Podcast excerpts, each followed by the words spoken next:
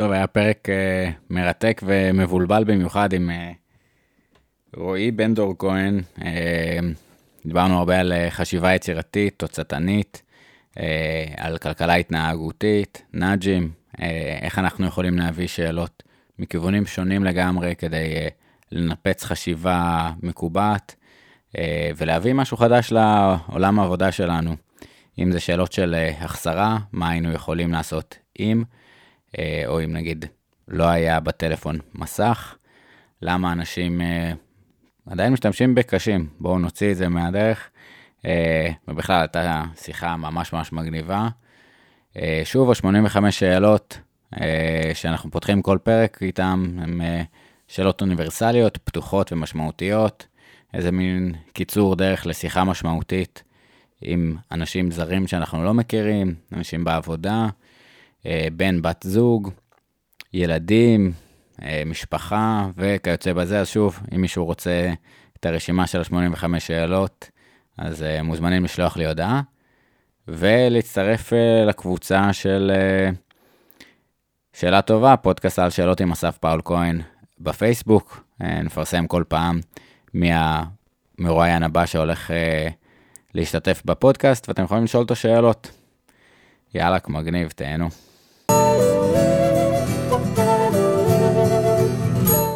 אתם מאזינים ל"שאלה טובה", פודקאסט על שאלות, עם אסף פאול כהן.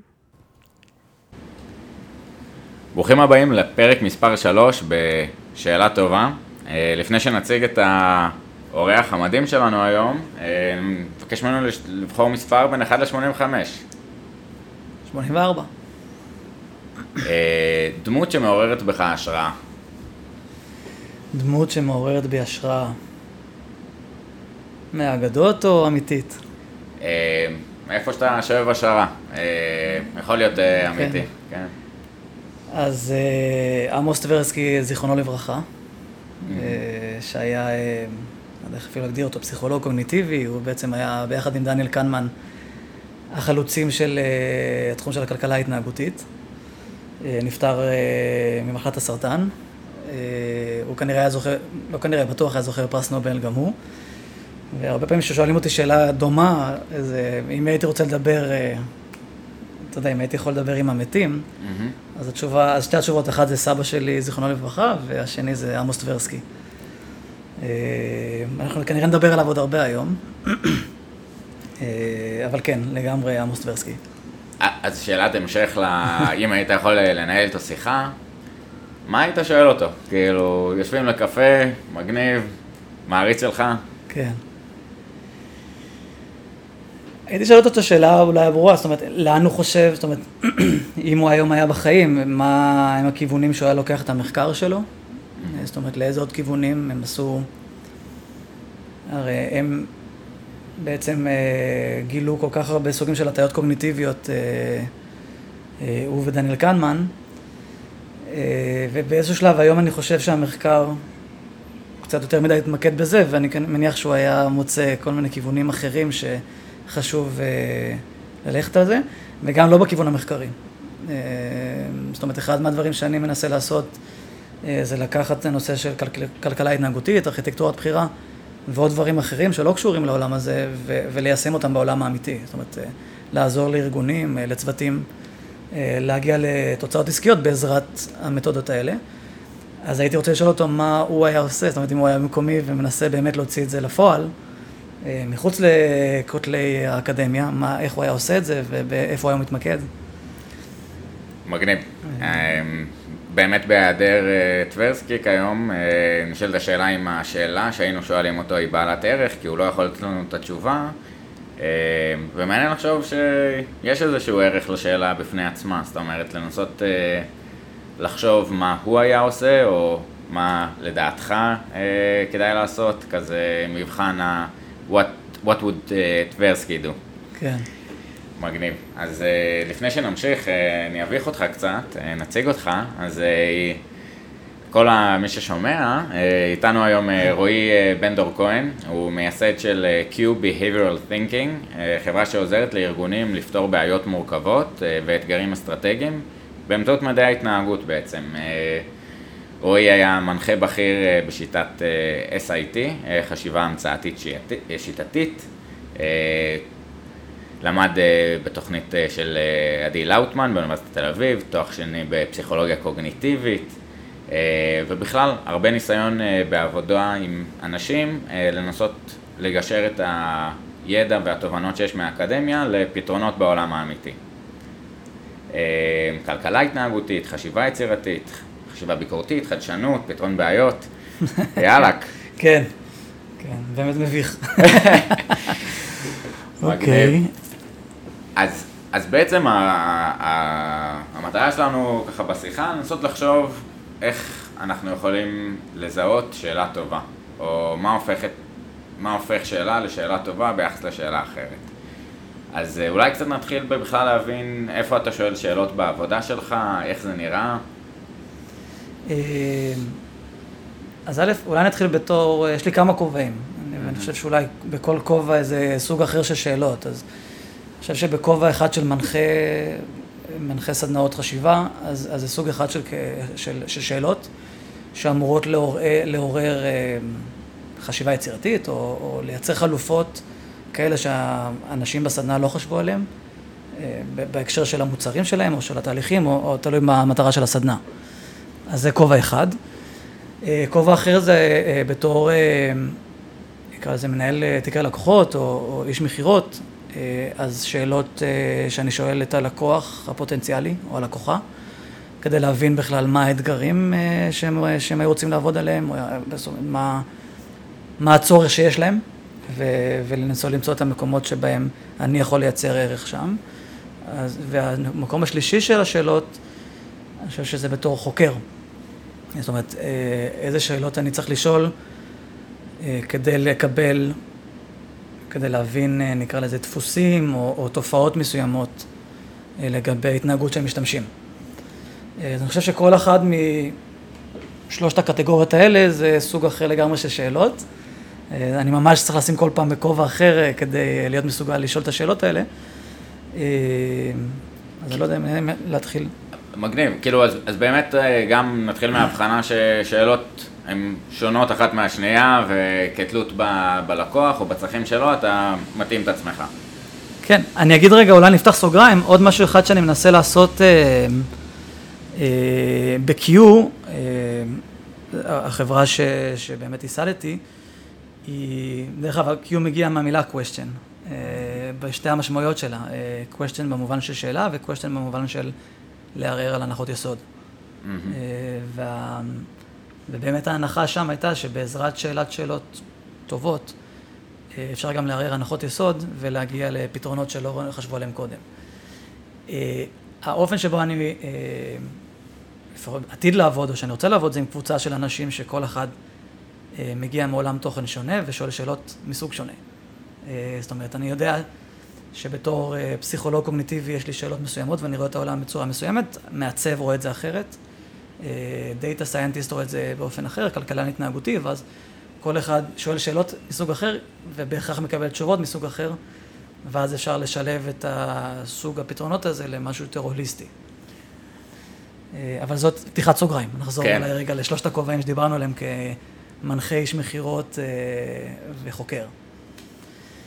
כמנחה, תראה, אני עבדתי במשך אה, ארבע שנים ועכשיו גם שנתיים כ- כפרילנסר ב-SIT, אה, Systematic Innovative Thinking, חשיבה המצאתית שיטתית. כל המתודולוגיה שם, במהות שלה, אה, שואלת שאלות שעושות סוג של פרובוקציה ומוציאות מאזור הנוחות את המשתתפים של הסדנה או את הצוות שאיתו אתה עובד.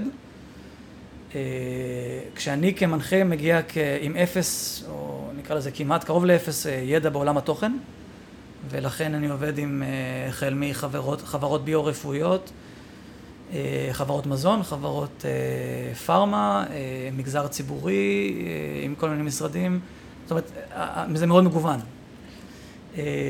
והסיבה שאפשר לעבוד עם כל כך הרבה חברות היא שאני אני, אני, אני לא מומחה תוכן, אני כן מבין אולי מספיק בשביל להבין את האתגר שהם עובדים עליו אה, ואת הטרמינולוגיה, אבל המטרה שלי היא לייצר מצב שבו הם חושבים אחרת ומייצרים נקרא לזה סוג של פתרונות שהם לא חשבו עליהם קודם, והאופן שאני עושה את זה זה בעזרת שאלות פרובוקטיביות. אז, אז באמת אולי נבין מה זה שאלה פרובוקטיבית, ו, ואולי אה, אם תוכל להסביר קצת מה זה אומר אה, להוציא מישהו מאזור הנוחות בעזרת שאלות. כי הוא, יש לנו הרבה פעמים את החשש הזה, אולי כשאנחנו לא בכובע של המנחה, אה, אנחנו בולמים את עצמנו מלשאול שאלות, כי לא נעים לנו אולי לאתגר או להציב מישהו במצב לא נעים, ואיפה הגבול. איך עושים את זה בכוונה? אוקיי, okay, אז אז, אז אני שוב התחלתי לדבר על שיטת SIT, אולי אני אמשיך אה, אה, אה, באותו קו. השיטה, הפרובוקציה נוצרת בעזרת זה שהם לוקחים את ה... אנחנו לוקחים את המצב הקיים שעליו רוצים לעבוד. המצב הקיים יכול להיות אה, מוצר, נגיד פלאפון לצורך העניין, או תהליך, אה, לא יודע, תהליך אה, מורכב שיש בחברה שעובדים בה. ואז מפעיל, מפעילים אחד מחמש, אחד מחמישה כלים, שזה בעצם חמש מניפולציות אפשריות על המצב הקיים. זאת אומרת, אם נגיד, ניקח את הדוגמה של פלאפון, ועכשיו אני רוצה לחשוב על הדור הבא של הפלאפונים, אז אחת מהניפולציות שאני יכול להפעיל זה אה, נקרא כלי ההחסרה, זה אומר קח מרכיב מהותי במערכת, במקרה של הפלאפון, נגיד מרכיב מהותי יכול להיות המסך, ותוציא אותו. ועכשיו תדמיין מצב שבו יש לך פלאפון בלי מסך. אה, עכשיו, לא, אולי לך או למאזינים זה נשמע לא מאוד פרובוקטיבי, אבל לחברה שכל מה שהיא מתעסקת בו זה לייצר פלאפונים וכל כל הניסי, הניסיון זה עכשיו לייצר את המסך הכי משוכלל והכי צבעוני והכי uh, מהיר, הדבר הזה הוא פרובוקטיבי. Uh, זה כמו לנסות לדמיין, uh, ניקח את אותה דוגמה, חברה בלי מנכ"ל, או פודקאסט בלי מאזינים, או... זאת אומרת, הרעיון פה זה, וזה אחד מהכלים היותר פרובוקטיביים, זה לבוא, להסתכל על המערכת, להסתכל מהם המרכיבים המהותיים בה, ועכשיו לדמיין את המערכת הזאת בלי, המרכיב, בלי אחד המרכיבים האלה. מסעדה ללא אוכל, אה, או מסעדה ללא מטבח. אה, ו- ו- ובעצם, אני לא עונה לשאלה כשאני עושה את הסדנה האלה, אני מציע את זה כ... אה, או שהמשתתפים מגיעים לזה בעצמם אחרי שאתה מבין את הכלים, או שאתה מציע את זה כי הכנת את זה מראש. ואז הרגע הזה שזה פוגש אותם הוא רגע נורא נורא מעניין, כי בעצם אתה שובר להם איזושהי הנחת יסוד מאוד מאוד בסיסית, שבהם כל הביזנס בנוי על הדבר הזה. Mm-hmm. תחשוב על חברת תרופות שבה אתה אומר להם, אה, תוציאו את המרכיב, את המרכיב הפעיל מהתרופה. אה, אז אולי זה פרובוקטיבי מדי, למרות שזה מוביל לפתרונות כמו פלסבו, אבל הרעיון הוא בסוף אה, גם אם לא תמיד זה עובד, לייצר מצב שבו הם שוקלים אפשרויות שלא היו מגיעות בכלל לסף המודעות שלהם אם לא היית מעורר את השאלה הזאת. בעצם השאלת שאלות ופה בהוצאת המרכיב, אה, לצייר איזושהי סיטואציה מדומיינת, נכון? איזושהי התבוננות משותפת, כל אחד אפרופו ה data scientist או ה-behavioral scientist, אה, אה, עם הכיוון חשיבה שלו, אז ברגע שאתה נותן איזושהי שאלה שמוציאה אותם מהחשיבה המסודרת, השיטתית שלהם, ומכריחה אותם בעצם להגיב אה, למקרה המדומיין הזה מצורות שונות, אבל אמ, כאילו השאלה שלי אולי באיזשהו מקום, אמ, מה השלב הבא? זאת אומרת, ערערנו קצת את הנחות היסוד, אנחנו מבינים שאנחנו צריכים להפעיל את המוח בצורה אחרת והשאלה פתחה לנו איזשהו צוהר חשיבה. אחרי שבעזרת שאלה קצת פותחים את המחשבה, מה...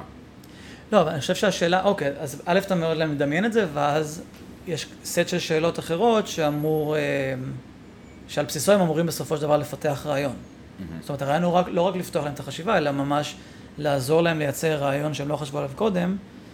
אה, ואתה צודק שאחרי שהם צריכים לדמיין את זה, אז השאלות הן שאלות של א', לזהות את ההזדמנויות ואת התועלות של הדבר הזה. זאת אומרת, ואחת הדרכים הטובות, הכי טובות לעשות את זה, זה לעזור להם אה, לכוון את זה באופן ספציפי. זאת אומרת, באיזה סיטואציות פלאפון ללא מסך זה דבר טוב, או עבור איזה קהלי יעד מאוד ספציפיים הדבר הזה יכול להתאים. זאת אומרת, ברגע ש... זה בכלל נכון לגבי אה, רעיונות יצירתיים, הם ספציפיים. אה.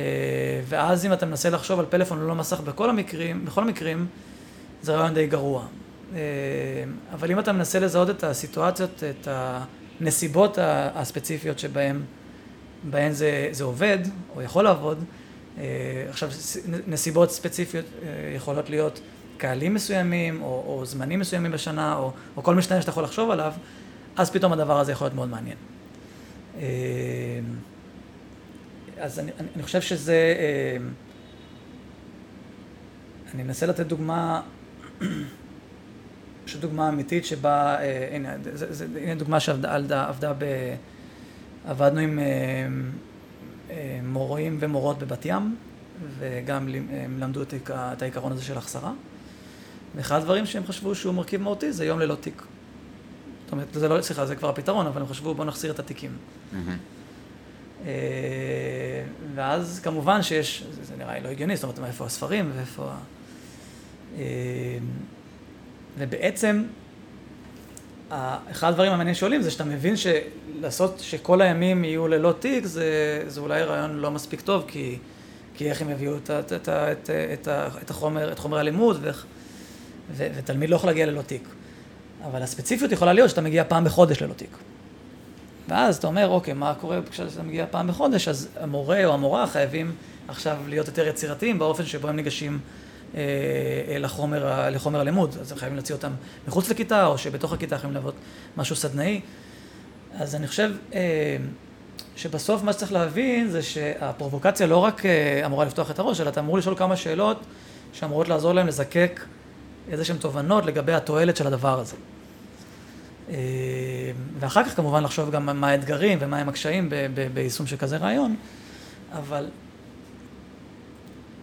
אה, בעצם אני כל הזמן שואל שאלות שהן שאלות פתוחות, mm-hmm.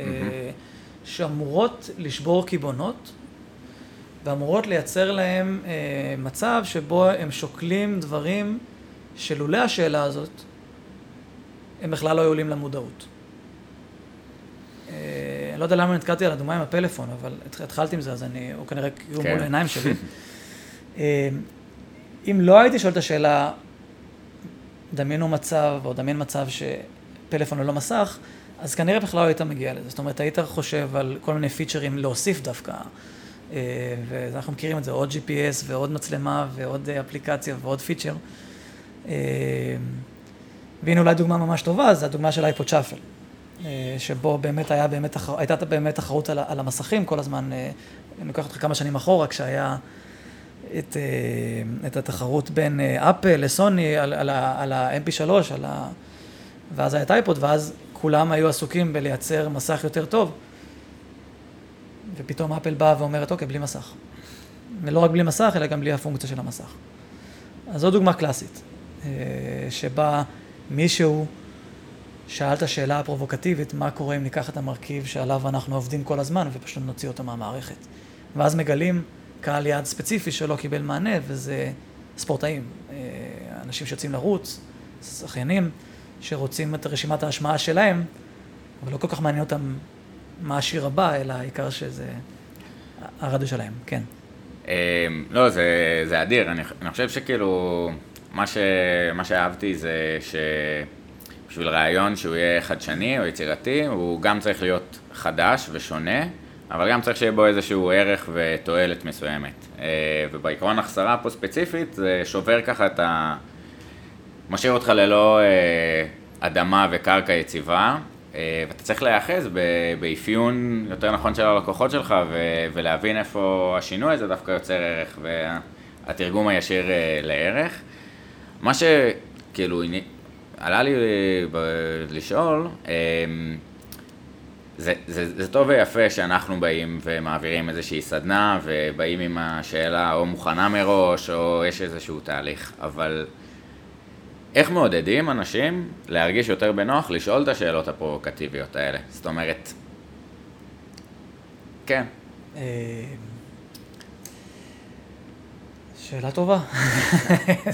אה, בוא ננסה לחשוב על זה. אה, אני מנסה לחשוב, כאילו, מה מייצר אמון, מה מייצר, אה, זאת אומרת, עכשיו מדברים הרבה על psychological safety, נכון? בעבודה, אנשים מדברים על חדשנות ועל, ועל יצירתיות, ובאמת אין דבר כזה, לא חדשנות ולא יצירתיות, אם אתה לא מייצר psychological safety, איזשהו ביטחון פסיכולוגי, איזשהו מרחב שמאפשר לאנשים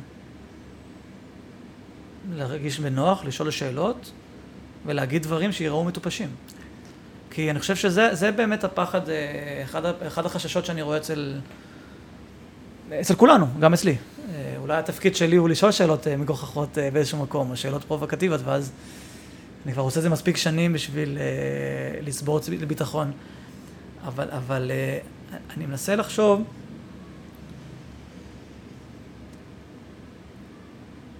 אני חושב שאחת הדרכים היא, היא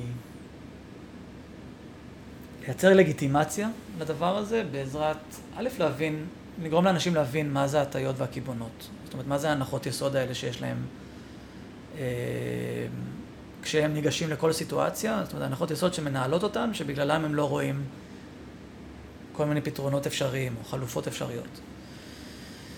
וברגע שאתה אתה, אתה מדגים את זה אה, בכמה, בכמה דרכים, וכולם חווים את זה ביחד, את, ה, את, ה, את, ה, את הקיבעון או את ההטייה, אה, בעזרת דוגמה, בעזרת חידה, בעזרת אה, סרטון, בעזרת סיפור. והייתה חוויה שבה כולם נתקעו, אז, אז יכול להיות שזה מייצר משהו של, אוקיי, קיבעון קיים אצל כולנו, ואז אני גם מאפשר, אני גם שואל את השאלה, אני בעצמי, כאילו, זה בסדר לשאול שאלה שהיא, וגם זה בסדר גם שלא תהיה תשובה, ואז עוברים לשאלה הבאה. כאילו, אני חושב שיש פה משהו שהוא... אני קצת מערבב כל מיני נושאים, כי אני, אף פעם לא חשבתי על זה כמו, ש...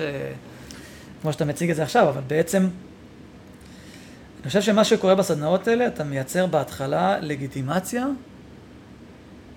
אה, שזה בסדר לשאול שאלה מגוחכת, אה, כי לפעמים תוך כמה שעות מגוחכות כאלה, פתאום תצא שאלה שגרמה לחשוב, וזה גם בסדר לא לדעת לענות על השאלות האלה. אני חושב שזה גם...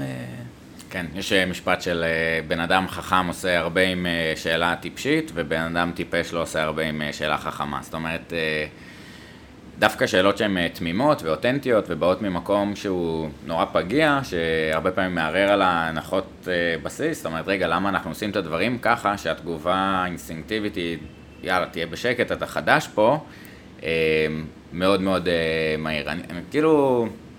אין לזה עדיין פתרון, אני מסקרן אותי הטרנספורמציה שאנשים עוברים מגיל שלוש, שהם שואלים בממוצע 390 אה, שאלות, אה, שלוש אה, שאלות, שאלה כל שלוש דקות בערך להורות. באיזה שלב אנחנו מחליפים את הסקרנות ואת החדוות למידה ושאלת שאלות בפחד. אני קראתי משהו מעניין, אני לא יודע אם זה, אם זה קשור או לא, אבל יש ספר שקוראים לו The Culture Code. אה, ובפתיחה הוא מדבר על זה שהם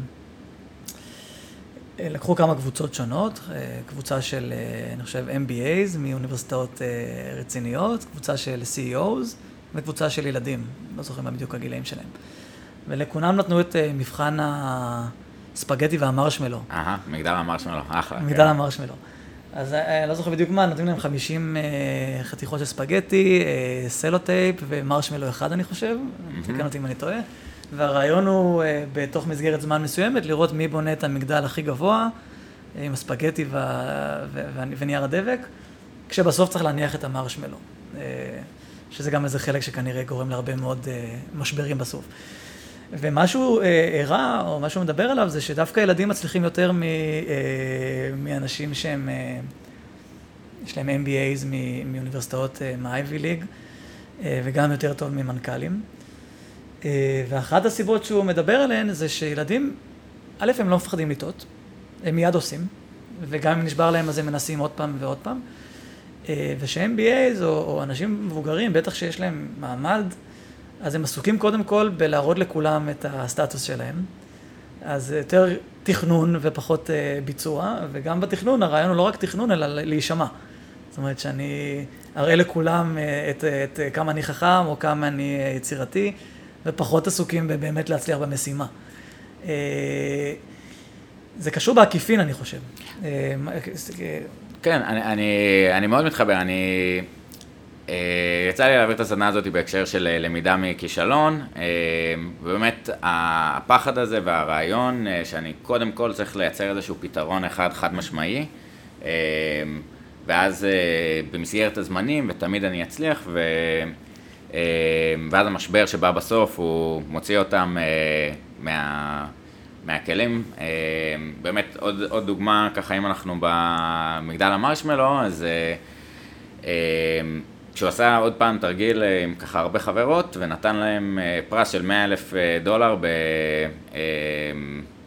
בתוכנה, בעניינים לחברה, אז הגובה הממוצע של המגדלים מאזור ה-15 בממוצע היה אפס.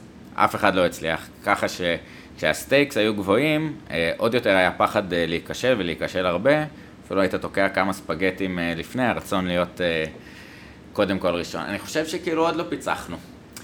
זאת אומרת, זו שאלה מהגדולות ש, ש, שבסוף גם הפודקאסט וגם ה-85 שאלות באיזשהו מקום אולי רוצה לייצר, אבל איפה אנחנו מרשים לעצמנו ומאפשרים לעצמנו אולי גם יותר לטעות, אה, גם לשאול שאלות שאולי הן אה, לא נוחות לנו, או, או לאפשר לאנשים כאילו את המקום הזה. זה... אני חושב, אני חושב, בסוף, הרי השאלה כזו שמה אותך במקום פגיע.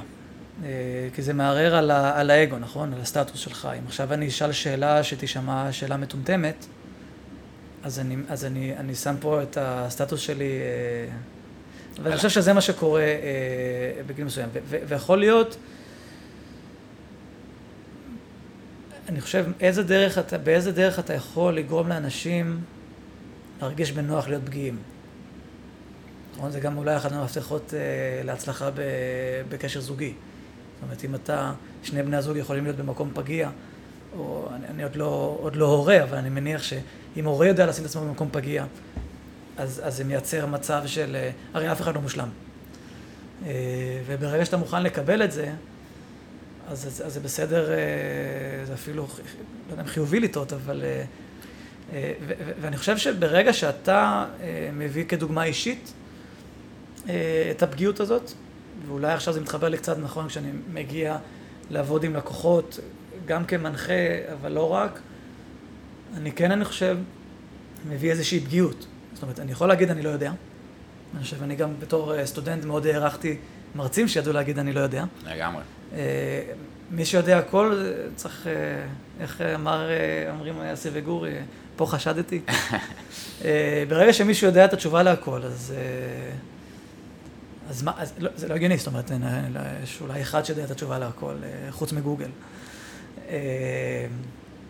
כן, אז אני חושב, ש, אני חושב שהדוגמה היא, זאת אומרת, המקום הזה של קבוצה יכולה להיות, אה, אם כולם בקבוצה אה, אה, ישימו את המקום הפגיע, אז אני חושב שזה, אני חושב שזה כבר התחלה טובה.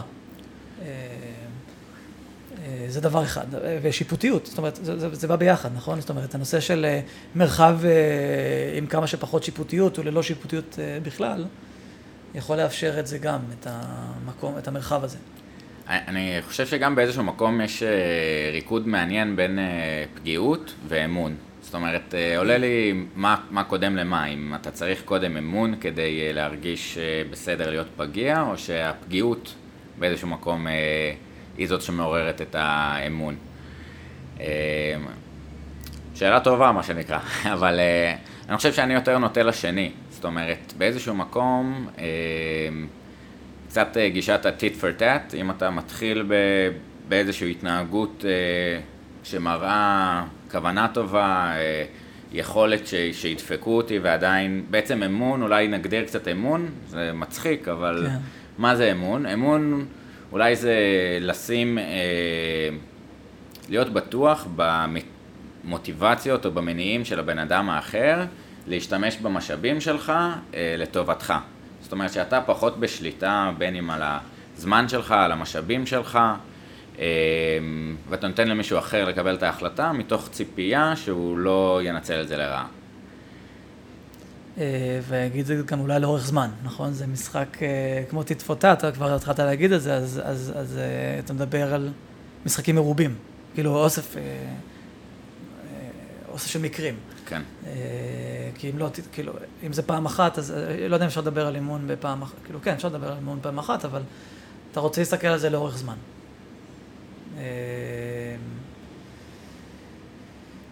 זה מעניין, אומרים שטילפוטט זה אחד האלגוריתמים הכי פשוטים, אבל אה, שמנבאים הכי טוב את ה... זאת אומרת, לאורך זמן אה, איזה אלגוריתם מנצח בדילמת האסיר, אז... או טיט פור טאט, או אחר כך אמרו שטיט פור טוטאט, כן. זה כזה. אה, יש, יש... ניקח אולי צעד אחורה, כן. נסביר ככה לחבר'ה.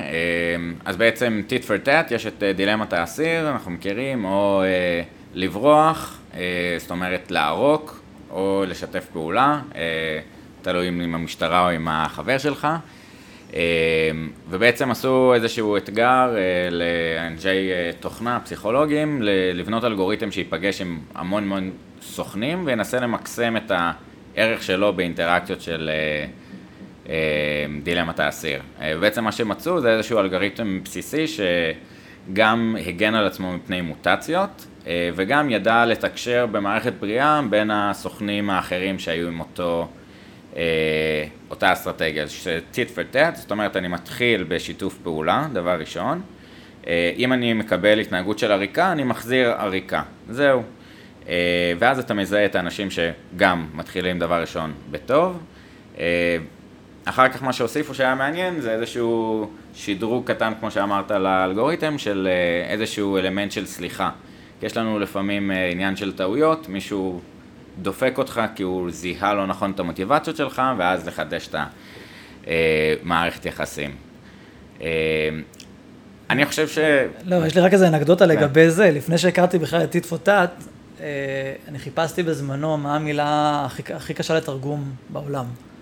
אל תשאל, אל תשאל אותי אפילו למה, אבל זה מה שחיפשתי. ואחד מהדברים שעלו, זה, זו מילה בש... ש... המילה קוראים לה אילונגה, אילונגה. כן? ואילונגה זה באחת השפות של קונגו. וואה. זה אדם שבפעם הראשונה שאתה דופק אותו, the first time you abuse him, הוא סולח. בפעם השנייה הוא עדיין אדיש לזה, אך בפעם השלישית הוא לא סולח לעולם. אה, אז אני יכול לחשוב גם על אלגוריתם כזה שמוכן לסלוח פעמיים ופעם שלישית זהו. לא יודע אם הוא ניצח בתחרות או לא, אבל אני בטוח שהוא נכנס לתחרות הזאת בצורה כזאת או אחרת. אז לא, א', זה מעניין שנוצרה, אה, ש, ש, שחברה או תרבות מסוימת יצרה אה, מילה כזאת. זאת אומרת, יש משהו בזה שבאדם שהוא סלחן פעמיים, אך לא בפעם השלישית, ו, ופעם השלישית כאילו נוקם לנצח. אז, אז זה מעניין. אנקדוטה. אהבתי. כן. אילונגה. אילונגה. אה, יפה, אז יאללה בואו נחזור לסוגריים קצת שפתחנו. אמרנו קצת ב... איך, איך אה, עושים חשיבה אה, יצירתית אה, תוצאת, תוצאתנית. אה, ומעניין אותי כאילו, נשמור לך כמה מהסודות, אבל הכיוון של החשיבה כשאתה בא ל... או ארגון או לקוח, ובעצם ה- המטרה שלך היא לנסות להבין אותו, אוקיי? או לנסות בדרך אמפתית, בדרך, בעזרת השאלות, להציף את הדברים שהם או במודע או בלא מודע שלו, כדי שאתה תוכל לתת להם ערך. אה, וזה נראה לי מגניב להסתכל על הסיטואציה הזאת, לא במובן ה- העסקי או ההדדי שלה, אלא כי היא מודל מאוד נכון להתנהגות אנושית אה, כן. שחוזרת על עצמה. זאת אומרת, איזשהו צד יש לו רעיון מסוים, או איזשהו סט אמונות, ובאינטראקציה לנסות לייצר את השותפות הזאת. איך מתחילים? אה, אני חושב שיש כמה עקרונות, אה, לא יודע איפה מתחילים, זו שאלה, זה, אבל אה, יש כמה עקרונות אולי בסיסיים שכדאי רגע לעבור עליהם. א', ההבדל בין שאלות פתוחות לשאלות סגורות, שלמרות שהוא נראה אה, ברור מאליו, אני חושב שהרבה פעמים אנשים נופלים בזה, כולל, כולל אני. זאת אומרת, לשאול שאלה של כן ולא, שאלה סגורה, אה, בדרך כלל תוקעת. אה, את השיח, היא לא מאפשרת, לא מאפשרת לפתוח מרחב אה, של שיח, שאלה פתוחה, כן. אה, עוד דבר שאני מאוד אה, מקפיד לעשות זה לבקש דוגמאות או לספר סיפורים.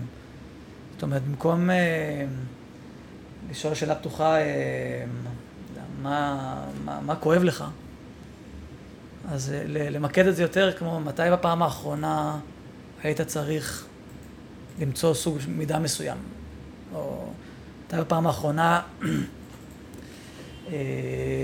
היית צריך, אה, או מתי בפעם האחרונה נתקלת בקושי כזה וכזה. אני חושב שדרך דוגמאות ודרך סיפורים אפשר ללמוד די הרבה. אה, גם בטרמינולוגיה, שאני, א', סוג הסיפור שנבחר. הטרמינולוגיה ש... שמשתמשים בה. אפשר ללמוד הרבה מה, מה, מהסיפורים האלה, אני חושב, זה הרבה יותר מאשר אה, שאלה כללית, גם אם היא פתוחה. אה, ואני חושב שגם ברגע שאתה מספר סיפור, אז, אז יש גם את התקשורת הלא מילולית אה, כן. ש, שעולה, נגיד, אתה רואה פתאום מישהו בשפת גוף משתנה. אז אני, אני מאוד מאוד מקפיד כמה שיותר מהר עם אנשים שאני לא מכיר, גם בהקשר של, במיוחד בסיטואציה מול לקוחות, אני חושב. שאני עוד, אנחנו פעם ראשונה שנפגשים, מהר מאוד להגיע ל, לדוגמאות, לסיפורים. אה, כי, כי, כי, כי זה, זה, בסוף זה מצחיק, אנחנו, אנחנו, אנחנו אה, כבני אדם, הסיפורים זה היה ככה, עד, המצאת הכתב, ויותר אחרי המצאת הדפוס, בוא נגיד ככה, רוב המידע היה עובר ב... בצורה של סיפורי, מספרי סיפורים, נכון? ברוב החברות. Mm-hmm. אה, מה זה היסטוריה? היסטוריה זה האדם או האישה הכי מבוגרת ב, בשבט, אה, והסיפורים שהוא או היא זוכרים, זה ה... ואני חושב שאנחנו אנחנו די, אנחנו מתוכנתים ל, ל, לשמוע סיפורים, אנחנו מאופנתים בסיפורים. אני רואה שכשאני מדבר עם, שוב, בכלל, זאת אומרת, באופן כללי, שוב, אני אתן דוגמה של סדנאות, כי זה, זה, זה עולם התוכן שלי, ברגע שאני מתחיל סיפור, היו היה פעם אה, כזה, כולם נדרכים, זאת אומרת, אנשים ממש, אנחנו ילדים, אנחנו אוהבים לשמוע סיפורים, בכל סיפור יש איזשהו מוסר השכל או, או משהו מעניין. אה, אני חושב שאנחנו מאוד אוהבים את זה, וזה דרך מאוד מאוד טובה ללמוד אה, אה, על אנשים, אה, בעזרת הסיפורים שהם מחליטים לנדב. שהם מחליטים. אני, אני, אני ממש מסכים עם הסיפורים, זאת אומרת לייצר איזושהי התבוננות משותפת ואיזושהי סקרנות משותפת סביב... אה, אה, סביב איזשהו נרטיב או איזשהו סיפור הוא, הוא תמיד חזק, כי החיבור התיאורטי והמטה-קוגניציה ולהסביר את העקרונות הרבה פעמים עובר מעל.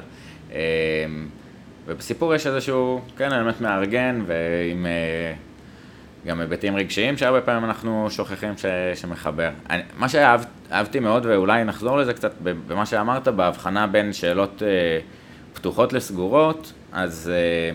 אז כן, ככלל נגיד שאנחנו מעדיפים את השאלות הפתוחות כי הן מייצרות שונות הרבה יותר גדולה של, אה, של תשובות, אה, ופה המעניין, זאת אומרת לעלות על זווית הסתכלות שהיא ייחודית או אה, אותנטית של הבן אדם ולאפשר לו להציע אותה, אבל מעבר לזה, ואולי קצת חטאתי בשאלה ששאלתי אותך, אז איפה מתחילים? אנחנו כן צריכים לתת איזשהו... קביים או איזה שהם אה, מח... עזר לבן אדם כשאנחנו שואלים אותו שאלה? אה, אני חושב, אה, זאת שאלה, נכון? כן. אני, אני מניח שבסוף צריך נקודת התחלה, שאפשר להאחז בה. אני, כחלק מכל מיני דברים ותחביבים, אז יצא לי תקופה שעשיתי, הייתי הולך לחוג אימפרוב. תיאטרון אימפרוב. ואחד הדברים הבסיסיים שקורים בתיאטרון אימפרוב זה שהם מבקשים מילה מהקהל, נכון? כדי לפני שמתחילים את הסצנה, איזושהי מילה, או כמה מילים, או לבקש מהם אה, אה, אה, מקום, או לבקש מהם אה, שבו מתרחשת הסצנה. והסיבה בין היתר, חוץ מלערב את הקהל, זה אני חושב, זה לייצר איזשהו אילוץ, או איזה נקודת התחלה שאפשר להיאחז בה בשביל להתחיל משהו שגם ככה אין בו שום structure, יש בו structure בסופו של דבר, אבל אתה רוצה להאחז במשהו. אה, דרך אגב, דיברנו קודם על SIT, אז גם שם נקודת ההתחלה היא המצב הקיים. Mm-hmm. בניגוד לחשיבה מחוץ לקופסה, שבו בוא נעלה רעיונות, אה, סיעור מוחות או brainstorming, פה דווקא נקודת ההתחלה היא מאוד מאוד ברורה. המוצר שכבר יש, התהליך שכבר קיים, האסטרטגיה, המסרים השיווקיים וכולי. אה, אז אני חושב שכן, נקודת התחלה היא מאוד מאוד חשובה, ולכן, דרך אגב, זה, מסת... אה, דרך אגב, זה מתחבר לנקודה של תספר לי סיפור, ספר לי סיפור, או תן לי דוגמה. תן לי דוגמה לפעם האחרונה שבה הרגשת אה, הצלחה מסחררת, או כישלון, או נבוך בצורה בלתי... אני, אה, אה, אני גם מעביר, אני קופץ בכל מיני זה, אבל אה, במילואים אני, אני מעביר מיונים אה, אה, בצבא, ואחת הדרכים, אה, שואלים שאלות ומבקשים דוגמאות. אה, תן לי דוגמה אה, לפעם האחרונה, או, לסיפור, אה, לפעם אחת שבה נכשלת באופן אה, ככה צור... אה, כישלון צורם.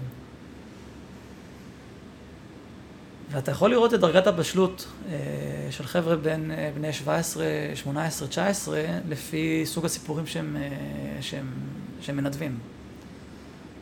אה, גם את הבשלות הרגשית. אה, האם הוא מדבר באופן אה, כללי, אבסטרקטי, אולי אין לו אפילו דוגמה, או ממש נותן לו סיפור.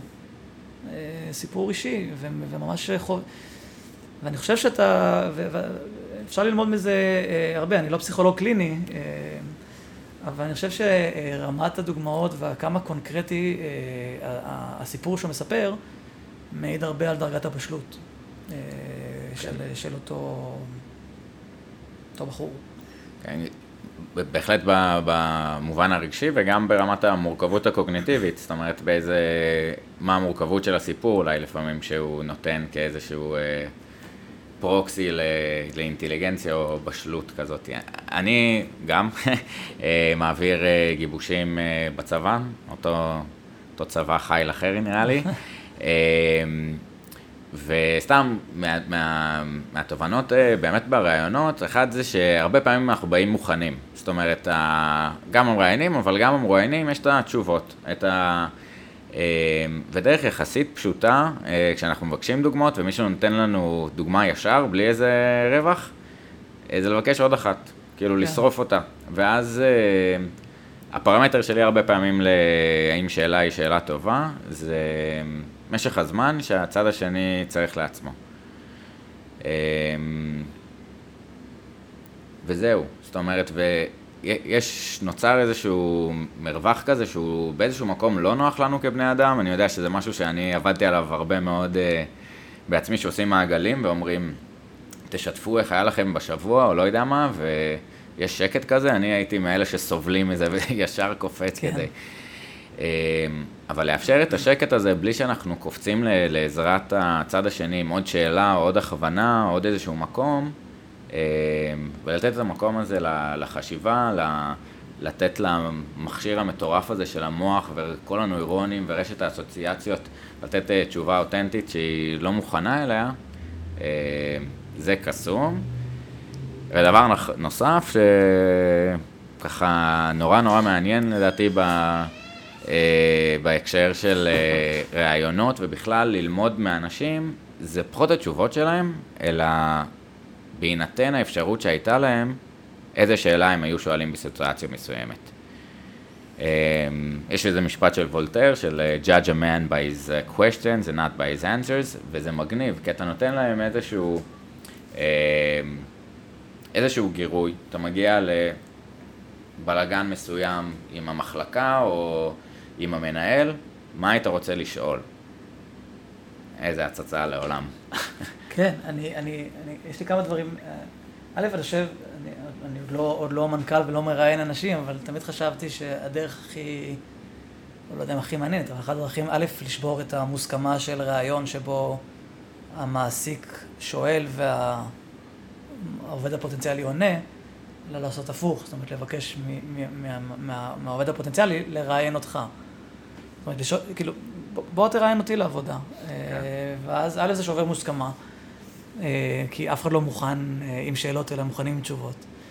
וב' אתה יכול לראות, לפי סוג השאלות שהוא שואל, מה נראה לו חשוב במקום עבודה, או מה נראה לו חשוב ב- ב- ב- ב- באישיות של, של, של אה, עובד פוטנציאלי. אז אף פעם לא עשיתי את זה, לא ניסיתי את זה, אבל, אבל זה יהיה מאוד מעניין. אה, בפודקאסט הבא, לא בפודקאסט הזה, תבקש שישאלו אותך שאלות. לגמרי. אה, אז זה דבר אחד, אה, סתם, מחשבה ש... כן. עוד אחת מאלפי המחשבות ש... שיש לי ואני לא מיישם. דבר אחר, זאת הייתה אה, חרמונה סורק, פעם שמעתי אותה, זאת אימא של חבר הטוב שלי, שהיא, אני חושב שהיא הייתה ראש החוג לביולוגיה, אני לא זוכר, מזמן, מזמן, עוד לפני ש... לדעתי הייתי בן 22, הלכתי לאיזה כנס, והיא אמרה שהיא הייתה שואלת את הילדים שלה לא מה למדת היום, אלא איזה שאלה, שאלה, איזה שאלה טובה שאלת היום. מדהים. ו- וזה נשאר איתי, זה תראה כמה שנים אה, אחר כך, וזה בכלל היה כנס על, אני אפילו לא זוכר על מה, אבולוציה, גנטיקה, אבל זה מה שאני, א', כנראה לא הבנתי את כל השאר, אבל אה, אז זה היה נורא מעניין. אה, נכון, כאילו, איזה שאלה טובה שאלת. מדהים, היום. מדהים, ו- ו- אגב, כאילו, ככה הורות ו- ועניינים כאלה, איפה, איפה אנחנו מצליחים להתממשק עם השאלות של, ה- של הילדים ולא להיתקע ב"אז מה עשית היום בגן והיה לך כיף", השאלות הסגורות האלה, שמהר מאוד uh, הורגות את עצמם. אפרופו ציטוטים, אז זה באמת פיקאסו כאילו אמר, אה, What good are computers? They can't ask questions, they only give answers. וכאילו אם אנחנו כבני אדם, אנחנו היצור היחיד שאנחנו מכירים, שיודע לשאול שאלות, אולי נשתפר בזה, כי כאילו כל הגילויים הגדולים, כל התקשורת בינינו, אה, כל החדשנות, החשיבה השונה, הסינכרון החברתי, אה, נוצר ככה. אבל איך, איך, וואי, איזה מורכב זה, אה? אה, אז השאלה היא עוד פעם, חוזרים לשאלת ה... איך לגרום לאנשים שאלות יותר טובות, או איך לגרום... אה, אני כבר שאלנו, פתחנו כמה שאלות שונות, אז אני כן. עכשיו מנסה לראות איפה אנחנו נמצאים. אני חושב אולי נחזור לרעיון הזה, אה, ש, שאתה יושב עם המנכ"ל והוא מראיין אותך, או אתה מראיין אותו. נראה לי נורא מעניין ברעיונות HR, לתפקיד HR, איך זה עובד, כי כאילו... הכושר שאתה רוצה לשאול אותו זה על איך שהוא שואל ואיך הוא מעביר ריאיון, אז פשוט זה stare down או מחליפים מקומות או איך זה בדיוק עובד. אבל אה, נגיד ש, שכן, ככה כטיפ, ל... ואם כבר דיברנו על זה, למי שניגש לראיונות עבודה, אה, בשום פנים ואופן לא להגיד בסוף הריאיון ששואלים אותך אם הכל היה ברור ואם יש שאלות, אה, בצורה מנומסת של כן, תודה רבה, נראה לי זה היה מאוד מובן. אולי אנחנו מגיעים לשאלה של לפעמים, אוקיי, אז מה, מתי יהיה תשובה, מה השלב המשך, אה, וזה הזמן שלכם כאילו ליהנות, להבין אה, איך הארגון עובד ולנצל את, ה, את השאלות שאתם שואלים כדי להכניס את הבן אדם השני לאיזשהו mindset שאתם רוצים. אז אם זה איך יצא לך להגיע לעבוד לפה בארגון, שזה מכניס אותו עוד פעם אולי מהמקום היותר גדול שלו, שהוא כבר הרבה זמן בתפקיד, למקום הראשוני, וככה איזושהי חשיבה משותפת. עוד שאלה שאני מאוד אוהב, ואני חושב שהיא מעולה, אמ, אני מציע ככה להשתמש בה, זה אמ, איך אה, יודעים מי פה עובד טוב, או איזה גיוס מוצלח היה לכם ביחס לגיוס שהוא לא מוצלח, זה מלמד המון. כי גם אתה מבין מה מעריכים, האם יש דרך שמודדים פה את האנשים, האם זה שעות, האם זה הספק, יצירתות, אה, אווירה, מאוד מאוד מלמד. וגם איזשהו קישור שמכניסים לראש של המראיין של אה, עובד מצטיין ואתה, או איזשהו רצון להיות שם.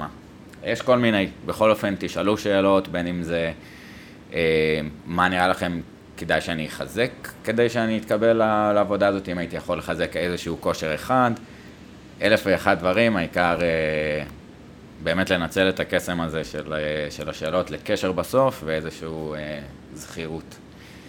אה, אה זה העלה לי, שוב, חזרה לעולם הסדנאות חשיבה, סדנאות החשיבה. יש תרגיל שאנחנו עושים, שהוא תרגיל מעניין, בתחילת סדנה אתה רוצה אה, שאנשים, א' כל לנקות שולחן, אז כל, כל האנשים שכבר שמעו את הרעיונות שיש להם מראש, כדי שלא יתחילו אחר כך, אה, כשאתה רוצה לגרום להם עם השאלות ה... אה, שתיארתי קודם, שלא עכשיו יאנסו במחאות כפולות את השאלה בשביל לתת את התשובות שכבר היו מוכנות mm. מראש. אז... אבל רגע, לא על זה רציתי לדבר. מה שרציתי להגיד זה שכל אחד רושם את הרעיון שלו, נגיד אני רושם את הרעיון שלי ואתה רושם את הרעיון שלך, ואז המשימה שאני נותן להם זה, עכשיו שניכם ת, ת, תדברו על הרעיונות שלכם ותבחרו רק אחד. רק אחד עולה לגמר, או למעשה זה לחצי גמר, כי מה שאני מבקש אחר כך, זה עכשיו שנינו בחרנו אחד, ואנחנו עם זוג אחר שבחר אחד, וגם אנחנו צריכים לבחור רק רעיון אחד. עכשיו, מה שקורה בתהליך הזה זה שמתוך ארבעה רעיונות, נבחר אחד. והם חושבים שבהתחלה התרגיל נראה שאוקיי, אנחנו בוחרים רעיונות. אבל אז אני שואל את השאלה הפשוטה, למה בחרתם את הרעיון הזה על פני האחרים? ואז קורה מצב שמתחילים לזקק את הקריטריונים או את הפרמטרים שעל בסיסם מבינים מה זה רעיון טוב. כמו שאמרת עכשיו, איך מודדים אה, עובד טוב, כי זו שאלה שאינטואיטיבית אנחנו חושבים שאנחנו יודעים לענות עליה, אבל ברגע שמנסים לענות עליה בצורה אקספליסיטית, ברגע שאתה מנסה ממש לנסח את זה, אז זה לא כל כך פשוט. לכל ארגון שאומר מה זה רעיון טוב, אז זה הרבה תחושת בטן. אין להם, אה, לא לכולם יש רשימת קריטריונים מאוד מאוד ברורה, אה, ואז בגלל זה יש הרבה פעמים אי הסכמות. לא שאני חושב שיש אי הסכמות כשיש קריטריונים, אבל לפחות זה מייצר איזושהי שפה משותפת. ולכן, התרגיל הזה הוא מאוד מאוד נחמד, כי הוא בעצם אומר, תעשו תהליך של בחירה לא מודע כביכול, אל תסבירו לעצמכם למה בחרתם, אלא... ואז השאלה הפשוטה של למה הרעיון הזה נבחר על פני שלושת האחרים, מצית את כל הדיון של, של האופן שבו מתעדפים או בוחרים רעיונות בארגון. אה, סתם, זה הזכיר לי בהקשר של ה... ששאלת איך, איך בוחנים או איך מודדים עובד טוב. כן. לא, זה, זה נראה לי שיטה מעניינת, כי היא מציפה כמה דברים, זאת אומרת, אני העברתי איזושהי סדנה אה, אה, של אה, Psychological Safety, כזה פרויקט אה, אריסטו של אה, גוגל, בדיוק על אה, ביטחון פסיכולוגי, וגם הם צריכים לבנות איזשהו אה, רעיון אה, ולבחור אחד מהם, והייתה השקעה נורא נורא גדולה בפרמטרים. קביעה מראש, כן, אנחנו רוצים שיהיה זה.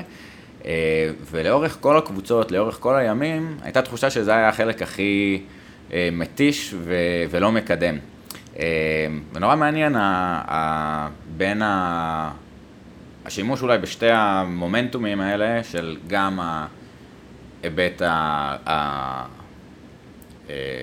האימפליציטי, שאנחנו לא יודעים בדיוק אולי להסביר אותו, וכן, ומראש לפי צינון, לפי אה, ציון מסוים שהרעיון המוביל אה, מקבל, גם אם זה לא עושה לנו היגיון בראש, המספרים עושים היגיון.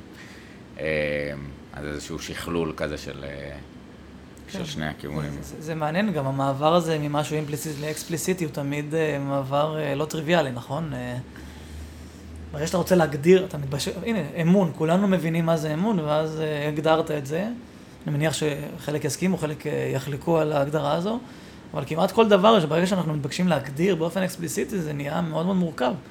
מושגים שאנחנו, אפילו הכי פשוטים, כאילו, מה זה בקבוק? לא, לא יודע, זאת אומרת, אה, ברגע שאנחנו צריכים ממש, כולנו יודעים לזהות, אה, נכון? חפצים, יודעים לזהות דברים שהם קורים, גם מושגים אבסטרקטיים. מה זה שלום, מה זה, נכון, מה זה, מה זה אהבה, מה זה אושר. ואז מנסים להגדיר את זה ומתחילים להיכנס לתסבוכות. אה, אני מאוד אהבתי שיעורים בפילוסופיה באוניברסיטה, כי מנסים להגדיר דברים ואתה מתחיל לראות איך כל פעם שאתה מגדיר משהו, אז, אז, אז חלק מהדברים נכנסים, אבל חלק יוצאים, לא, לא נופלים בהגדרה, ואז אה, התעסקתי הרבה בשאלה איך להגדיר יצירתיות, אה, גם שם אתה מן הסתם משהו שהוא קשה מאוד להגדיר אותו. להגדיר זה מלשון גדר, נכון? כן. trying to put a fence around something, אז... תמיד זה יהיה אה, מלאכותי באיזשהו אופן. אה, אז זהו, פשוט בהקשר של איך להפוך משהו, ידע אימפליסיטי לידע אקספליסיטי, איזשהו מהלך לא טריוויאלי. כן, אני, אני, אני חושב שזיהינו פה כמה גורמים שהם אה, עוזרים אולי לתהליך הזה, שזה מעניין. שצריך א' את הסובייקט ועוד סובייקט נוסף, עוד אה, מישהו לתהליך שזה עוזר, ושהשאלה יוצאת החוצה. זאת אומרת, אנחנו באיזושהי אינטראקציה משותפת אה, לגבי התשובות שלנו, עם שאלה שהיא מוגדרת מראש. אה, ואז יש איזשהו מרחב, קצת דיברנו על זה ב, אה, כ, כשלישייה אנליטי, איזשהו מרחב שסביבו אה, יש ניסיון להוציא את החוויה הפנימית, להוציא את החוצה אה, למשוב, לאיזושהי אה, התייחסות של הצד האחר, לחידוד כזה של ההגדרה. זאת אומרת, של, כשאנחנו אומרים בקבוק, למה אנחנו מתכוונים. אה, לא יודע אם זה עד הסוף היה מדויק המחשבה הזאת, אבל אה, כן. אני, טוב, אנחנו יודעים גם, אה, שוב, אני לא פסיכולוג קליני, אבל פסיכותרפיה פועלת, חלק מזה זה עובד על הדבר הזה, נכון? זאת אומרת, בסוף, ברגע שאתה מתחיל לשאול שאלות ולדבר, ו... ו, ו נקטע לי קצת חוט המחשבה, אבל אני חושב שבסוף המרחב הטיפולי הוא מרחב כזה, אה, שבו אתה מנסה לערער כל מיני הגדרות שיש לך, נכון? זאת אומרת, אה, אה, לפחות הגישה הפרוידיאנית, שוב, אני לא מכיר בזה, לא עשיתי קורסים, אני, אני רק פשוט, אמנם הייתי באיזו תקופה באיזה טיפול, אז קצת אני מכיר את זה מהצד של ה... יש פה איזשהו ניסיון בעזרת שאלות לדברר מישהו אחר ולאפשר לו להעלות כל מיני אסוציאציות חופשיות. ועל ידי זה ל, ל, ל, אולי להבין כל מיני הגדרות או הנחות יסוד שיש לו לגבי, או פיקסציות שיש לגבי כל מיני מושגים, ואז הם מגיעים מטען מסוים, נכון? זה... שוב, אבל פה נכנסתי ממש לתחום שאני לא מכיר מספיק, אז uh, אני לא יודע למה שאלות טובות שיש לך גורמות לי להגיע למקום, לחוזות uh, רחוקים. יאללה, אנחנו באמת בהרבה שאלות פתוחות ומתפרסים לצד, אבל זה המקומות המעניינים והפורמט מאפשר לנו, אז uh, על הכיפאק. אה, אני אתן לך אולי קצת במה, ואולי קצת נעלה את העניין הזה אה, של... אני שולח אה, כמה שאלות לכל מרואיין לפני, לגבי שאלה שמעסיקה קצת, ובגלל שזו פעם שנייה ששמעתי על השאלה הזאת, וגם אני מאוד מתעסק, מתעסק בה בצורה פסיבית יותר, למה עדיין מביאים קשים במסעדות ב-2019. אה, מישהו אחר שאל את זה? כן, כן. זה לא הייתי אני פעמיים שאל, אוקיי. זה באמת שאלה טובה, למה עדיין, אה, למה עדיין מחלקים קשיות פלסטיק ב-2019? זה פשוט, אה, זה נשגב מבינתי. אני... אני, כבר לא יודע להגיד אם זה אדישות, אה, חוסר מודעות. אני, אני אגיד, אני אספר uh, כמה דוגמאות מצחיקות, uh, סתם אנקדוטות, אני, אני uh, לפעמים שואל, באמת, אני ממש, uh, א', היום כשאני מבקש uh, כוס מים בבית קפה או במסעדה, אז אני, אני דואג, אפשר, אפשר, אני דואג להזמין כוס מים ללא קשית. ומה שקורה הרבה פעמים, וזה הנה האוטומט, ובסדר, אני לא מאשים את המלצרים המלצריות, או הם מגיעים עם כוס המים עם הקשית, ואז רואים אותי ולוקחים את הקשית וזורקים אותה לפח. אמ, זאת אומרת, כי, כי, כי זה הנוהל, זאת אומרת, אני מניח שנכנסו לעבודה וככה לימדו אותם, כי זה... עכשיו, מה שמעניין זה שאני שואל אה, לקוחות אחרים שיושבים במסעדה לידי, זאת אומרת, למה אתה שותה עם קשית? אז הרבה פעמים, יש כל מיני תשובות, זאת אומרת, כי אנשים עושים רציונליזציה, נכון? אז, אז, אז אומרים, אה, כי הכוס לא נקייה. אבל הוא גם אוכל עם המזלג והסכין וה, וה, וה, והצלחת, אז מה ההבדל בין הכוס לבין, המ... זאת אומרת, זה אותו מדיח, נכון? אז א', מעניין לראות את התשובות של אנשים שמנסים להצדיק התנהגות, ואנחנו מכירים את זה, זאת אומרת, אתה, בדרך כלל זה לא שיש קודם כל אמונה ואז פעולה, אלא יכול להיות פעולה שמגדירה את האמונה שלך. ו... אמ, אז בסדר, אני לא... אמ, אנחנו מכירים את הרציונליזציה. למה זה עדיין לא חלחל? זאת אומרת, למה זה ברור מאליו שמוציאים כוס מים ללא קשית, אלא אם כן מישהו ביקש אחרת? לא יודע. מגניב. ואני חושב שזה מה שיפה, כי התשובה היא לא כל כך הייתה מעניינת פה. גם כאילו הדעה שלי, גם הדעה שלך, וגם אם היה לנו איזשהו פתרון, אני חושב שמה שמגניב בסיטואציה הזאת, אה, זה פשוט לקחת איזושהי התנהגות, ואנחנו רואים כל הזמן אה, כל העולם מתגלגל לפנינו, ולהיות בהתבוננות, להגיד למה. לא מסתדר, יש איזו אנומליה שלא מסתדר עם שאר ההנחות עולם שלי, ולהגיד למה. ו... ואפילו אחרי שאנשים עונים לך ונותנים אפילו איזושהי רציונליזציה, אה, לשאול עוד פעם למה, כי אז זה חושף עוד איזשהו, עוד איזשהו רובד, אה, ככה כמה פעמים אה, להגיד למה. אתן לכם איזשהו בונוס, אה, אני מכיר גם את, אה, את רועי אה, מהצופים, אה, אז, אז איזה פעם באמת, היה איזה, נראה לי יום דרגה או איזה משהו כזה, ולקחנו את כל ההתנהגויות ש, ש, של המסורות, של הדברים שבדרך כלל קורים, חכי לבן, ושזה שמה, ושזה... ועל כל דבר כזה שאלנו למה. ומה שלא הצלחנו לתת תשובה מספקת, אז, אז שינינו. וזה מגניב לראות כאילו איך... שאלה מתקשרת באופן די uh, מיידי לשינוי. זאת אומרת, אולי באיזשהו מקום זה לא תנאי uh, מספיק, אבל הוא תנאי הכרחי, שבכלל תעלה השאלה והמחשבה של למה, או האם יכל היה להיות אחרת. Uh, אני חושב שהשאלה של uh, למה היא שאלה מאוד מאוד חזקה, והיא בכלל עוזרת לעשות ריפריימינג uh, מחדש של הסיטואציה. Uh, בטח חלק מהמאזינים שלנו מכירים את ה-five whys של uh, טויוטה, שבכל סיטואציה, כל בעיה, אז לשאול חמש פעמים why, ואז אתה מגיע uh, ככה לסיבת הסיבות כביכול. וב-SIT קוראים לזה UDP Chain, Undesired Phenomena Chain, שזה שתי שאלות מאוד פשוטות. למה ואז מה? שעוזרת לך לבנות שרשרת של סיבות, תוצא, סיבות ותוצאות של תופעה לא רצויה. ואחד הדברים המעניינים בדבר הזה, יש, יש אמ, מאמר ב-HBR שמדבר על, על בעיית המעלית האיטית, אתה מכיר את זה? לא. No. אז, אז אומרים, נותנים לאנשים אה, לפתור בעיה, אומרים להם, תראו, יש, בעל, יש מעלית איטית בבניין.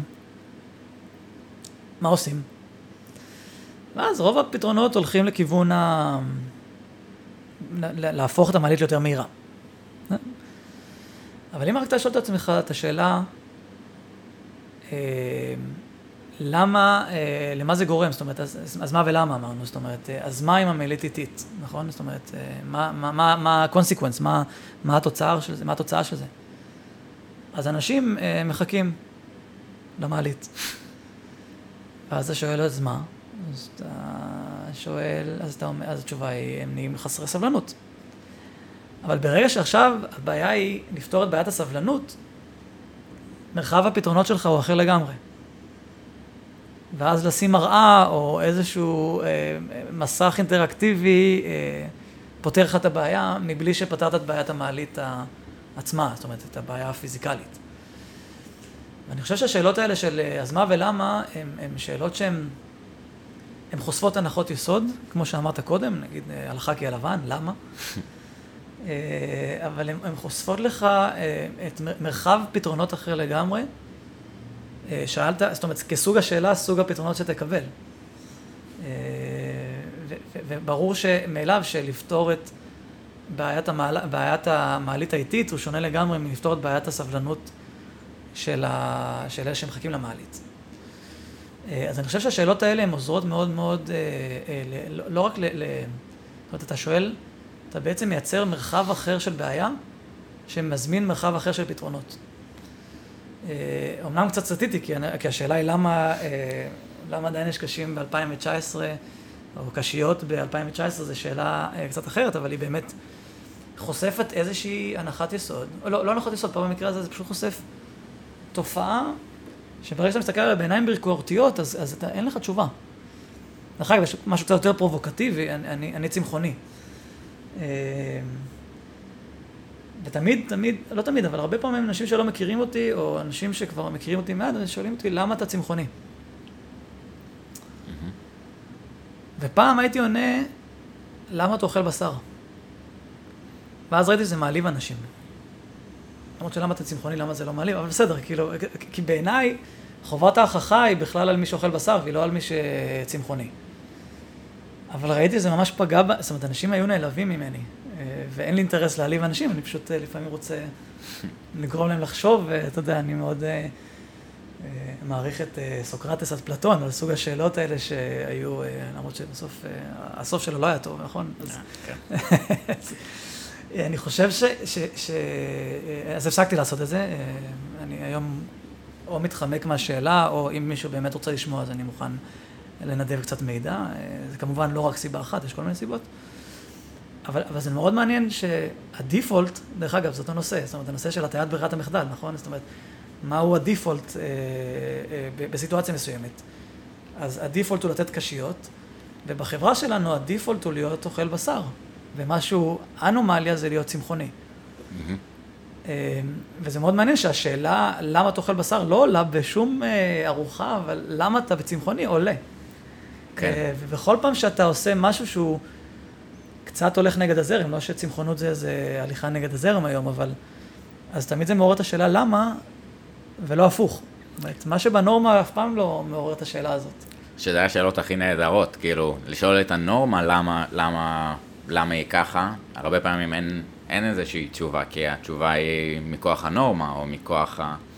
כי כך זה היה עד היום, ו- ואני חושב שיש בו יותר מזה, זה, זה מייצר, אה, זה נכנס למקומות רגשיים מאוד, זאת אומרת, Mhm. אידיאולוגיה, פוליטיקה, אנשים ממש מגינים על כל מיני, על כל מיני תופעות או כל מיני התנהגויות שלהם, מבלי רגע לחשוב על זה, אני חושב. ו- ו- ו- והחברה רצה עם זה, נכון? זה איזושהי זרימה שמכוח האינרציה, כי כולם עושים את זה, אז זה בסדר.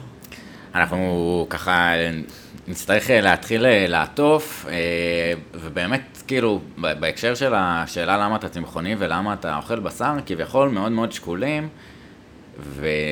ונורא מעניין ההיבט הרגשי ש... שעולה מזה, וההתנגדות המאוד חזקה של מי שאוכל בשר, ששאל הרגע את אותה שאלה אה, זהה, והוא מרגיש נורא נורא נתקף. מעניין אם היינו מוציאים את השאלות, או איזשהו סט שאלות מו- אה, מוגדר מראש, שהן חיצוניות לשיחה, אני כאילו, התזה שאני מנסה להגיד, אה, זה שאם השאלות הן לא ביני לבינך, אלא כאיזה